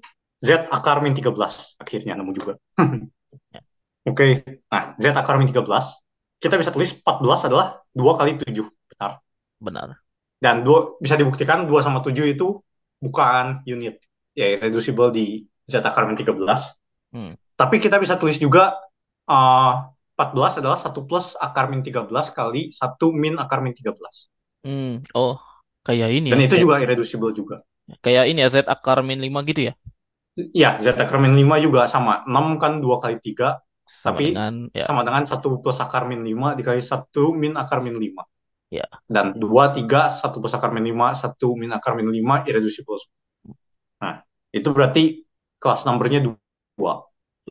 Nah, kalau misalnya kelas nomornya lebih besar berarti kayak contohnya tadi si 14 itu bisa ditulis sebagai misal lima cara gitu. Ditulisnya bisa dalam lima cara. Lima cara. Kalau misalnya kelas nomornya 5 misal. Yang makin gede kelas nomornya berarti ada bilangan yang bisa ditulis dengan lebih banyak cara. Perkalian dua irreducible kayak gitu. Ya berarti berarti yuk, apa gak, gak unik kan faktorisasinya gitu ya? Ya gak, gak unik dan makin besar kelas numbernya ya makin makin banyak, banyak caranya cara, ya. Cara nulis suatu bilangan dengan sebagai perkalian irreducible ya, ya. Kalau satu berarti dia ini ya. PID ya? Eh bukan PID apa? UFD UFD UFD ya UFD unique ya, factorization gitu. domain ya. Oke. Okay. ya, jadi itu kelas number terus ya Hitner theorem ya ngebuktiin kalau cuma ada 9 buah D sehingga si Q ajoin akar min D ini kelas nomornya satu. Kayak mengejutkan gitu kan. Ya, dan ternyata cuma ada finite ya. Iya, cuma sembilan. Cuma sembilan. Satu enam tiga tuh yang paling besar. Ya. Ya, begitu. Oke. Terima kasih infonya. Lanjut. Oke, mari kita lanjut ke yang namanya Borwein integral. Nah, jadi kalau yang ikut IMC 2018 dapat uh, kaos dari Jane Street-nya bermain integral. Iya, saya tahu ini kaos Anda ini kan. kaos saya lingkaran-lingkaran. oh iya. Yang ini estimatan dapat kaos juga dari Jane Street. Kerja sama sama Jane Street. Oh. Jadi gue sudah punya lebih dari satu tipe kaos Jane Street. apa? Yang kalau yang dari estimatin apa? Enggak, cuma huruf E doang. Ah. Estimaton doang. Eh, ya makanya kurang seru. ini. Kurang seru. At least ada logo Jane Street-nya lah. Iya, ya. Ya. Nah, polynomial integral ini integral yang muncul di analisis kompleks ya. Hmm. Kayak kayak kalau kalau gue ngajar analisis kompleks sih pasti gue munculin ini sebagai contoh. Kayak hitung integral dari 0 sampai tak hingga sin x per x dx. Nah, jadi bisa dihitung ya kalau misalnya yang udah belajar analisis kompleks dan pengen latihan silahkan coba pakai integral kontur untuk membuktikan kalau integral ini adalah pi per 2. Ingat selama masih Nah. dx. Ya, bisa. Nah, terus Oke. yang selanjutnya integral 0 sampai tak hingga sin x per x dikali sin dari x per 3 dibagi x per 3 dx sama pi per 2 juga. Nah, ternyata integral 0 sampai tak hingga sin x per x dikali sin dari x per 3 dibagi x per 3 dikali sin dari x per 5 dibagi x per 5 dx masih pi per 2 juga. Nah, apakah ini berlanjut seterusnya untuk setiap bilangan ganjil itu? Untuk setiap perkalian bilangan ganjil gitu. Jadi apakah perkalian dari K sama dengan 1 sampai N dari sin dari 2K min 1 dikali X dibagi X dibagi 2K min 1 dx selalu pi per 2? Nah, ternyata tidak ya. Ya. Jadi ini berlaku sampai X per 13 ya. Jadi integral dari 0 sampai T hingga sin X per X dikali sin dari X per 3 dibagi X per 3 dikali sin dari X per 5 dibagi X per 5 dan seterusnya sampai dikali sin dari X per 13 dibagi X per 13 dx adalah pi per 2. Tapi kalau integrannya dikali oleh sin dari X per 15 dibagi X per 15, hasilnya adalah pi per 2 dikurangi 2,31 kali 10 pangkat min 11. Kayak kecil banget. Iya. Tapi bukan pi per 2. Bukan pi Yang, per 2. yang, di, yang ditekankan adalah dia bukan pi per 2. Nah, integral tersebut dikenal sebagai integral Borwein. Ditemukan oleh David dan Jonathan Borwein pada 2001. Nah, jadi alasan pola tersebut pecah di 15 uh, berkaitan dengan transformasi Fourier dan konvolusi atau moving average. Ya bisa dicek lagi di Triple Brown. Nah, jadi 15 ini khusus karena sepertiga tambah seperlima tambah sepertujuh tambah seterusnya tambah sepertiga belas itu masih kurang dari satu. Nah, pas di saat ditambah seperlima belas hasilnya jadi lebih besar dari satu. Nah, jadi itu alasan pecahnya. Ya. Ya emang sih uh, cara ngitung integralnya ini bisa macam-macam ya, bisa pakai kalkulus, analisis kompleks, Bisa Fourier. uh, analisis Fourier, ya macam-macam lah cara ngitung integral. Hmm. Dan kalau kita modifikasi uh, si integrannya dengan dikalikan oleh 2 cos x, maka hasilnya akan sama dengan pi per 2 sampai si integrannya dikali dari uh, sin dari x per 11, eh, x per 111 dibagi x per 111. Nah, dalam hal ini si duanya perannya penting karena jadinya kita butuh sepertiga tambah seperlima tambah seterusnya tambah satu per dua k min satunya kurang dari dua dan ini bertahan sampai dua k min satunya sama dengan 111 dan pada 113 jumlahnya jadi lebih besar dari dua. Ya. Ya. Ya. Jadi uh, itu contoh-contoh pola yang gagal. Ya, kalau Borwein tadi ini yang Borwein ini ya ini, ini sempat dikira mereka kan ini ngitung pakai komputer gitu ini di, di, dikira ini apakah salah hitung gitu apakah ini rounding error gitu kan sempat dikira kayak gitu awalnya ini ke, kok lo, polanya gak berlanjut apakah ini apa rounding error atau salah hitung ternyata ini emang sifat sifatnya begitu dan ya itu dari Fourier Fourier itu ya Fourier dan konvolusi sebenarnya sih makanya sih Ya. apa apa jumlahan harmonik itu kan dia uh, apa divergen kan tapi divergennya sangat lambat gitu Hmm. makanya seolah-olah ini pola pola di sini dibentuk oleh si apa jumlahan harmonik itu tadi sepertiga tambah seperlima dan seterusnya itu oke Oh ya. Terus ada formula eksplisitnya. ya apa Ah, jelek banget sih. Kita tidak perlu sebut lah. Ya maksudnya uh, per J integral 0 sampai T hingga perkalian dari K sama dengan 1 sampai N sin dari 2 K min 1 X dibagi eh sorry sin dari X per 2 K min 1 dibagi X per 2 K min 1 dx ada formula eksplisitnya. Iya. Apa pun itu. Karena ribet banget. Ya, cuma maksudnya kayak yang tadi uh, kita bisa cari formula eksplisitnya. Kalau misalnya apa? Sampai perkaliannya sampai sin X per 97 misal Hmm. bagi X per 97 kita bisa hitung eksplisit. Tapi bahkan ini sebenarnya ini ya, apa ada untuk se- setiap sequence of the non-zero real numbers gitu. Sin A AK per X per AK per X ini ada ininya Iya. perkalian dari sin AK per X per AK per X gitu. Kalau kita punya bukan sequence ya. ya apa? Sin AK per X bukan bukan acapella, Ya, bukan AK AK 47 ya bukannya. bukan juga. AK NDX. Ya. Ya. Dan ya ini selama si akaknya kurang dari satu dia akan sama dengan ini. Apa kok selama dia kurang dari satu dia akan sama dengan pi per dua itu. Ya, ya ini contoh menarik. Ya, ini menarik ya. Karena ya, di, di- dikira awalnya sebuah apa kesalahan komputasi gitu. Tapi ternyata ini memang sif- sifat matematikanya begitu. Ya. Ya. Jadi oke. Ini masih part satu ya. Ya, Ini di episode selanjutnya kita akan bahas beberapa pola atau pola sesuatu pola-pola lain yang kok bener kok bener sampai sini tapi kok salah gitu. Tapi habis itu salah gitu. Jadi ya itu itulah kesimpulannya kalau misalnya ya kita mau membuktikan sesuatu harus benar-benar berlaku umum gitu. Ya, terus makanya induksi itu di pembuktian kalau udah riset ya tidak sering-sering amat karena butuh tebakan yang sangat strong gitu kan. Ya, Untuk merasa si induksinya ini benar mm, benar dan itu berat. Dan benar-benar. Ya paling buat basic stepnya aja pakai apa? Ya, maksudnya ada lemma kecil biasanya itu pakai induksi, tapi buat hasil gedenya susah pakai induksi karena berat kayak tebakannya mesti jitu banget baru induksinya Hmm. bisa jalan. Ya, Ya, begitu. begitu. Oke, ada Ya, tambahan lagi? pesan moralnya pakai kontradiksi aja. Pesan moral pakai konstruksi aja udah cari aja. Pegel pak kolat konjektur pakai kontradiksi. Tapi tapi yang menarik dari kolat konjektur itu ya ternyata kalau ya kalau misalnya kolat konjektur itu salah, berarti kan ada sesuatu an- antara nyampe hingga atau ada loop gitu kan.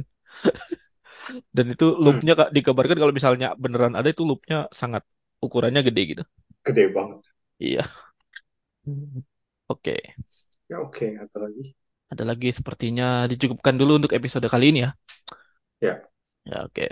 Ya, seperti biasa, kalau kalian suka konten-konten matematika seperti di podcast ini bisa di-follow di Twitter at bebas linear, di Instagram at podcast bebas linear, dan di-share juga ke teman-teman kalian. Sampai jumpa di episode berikutnya.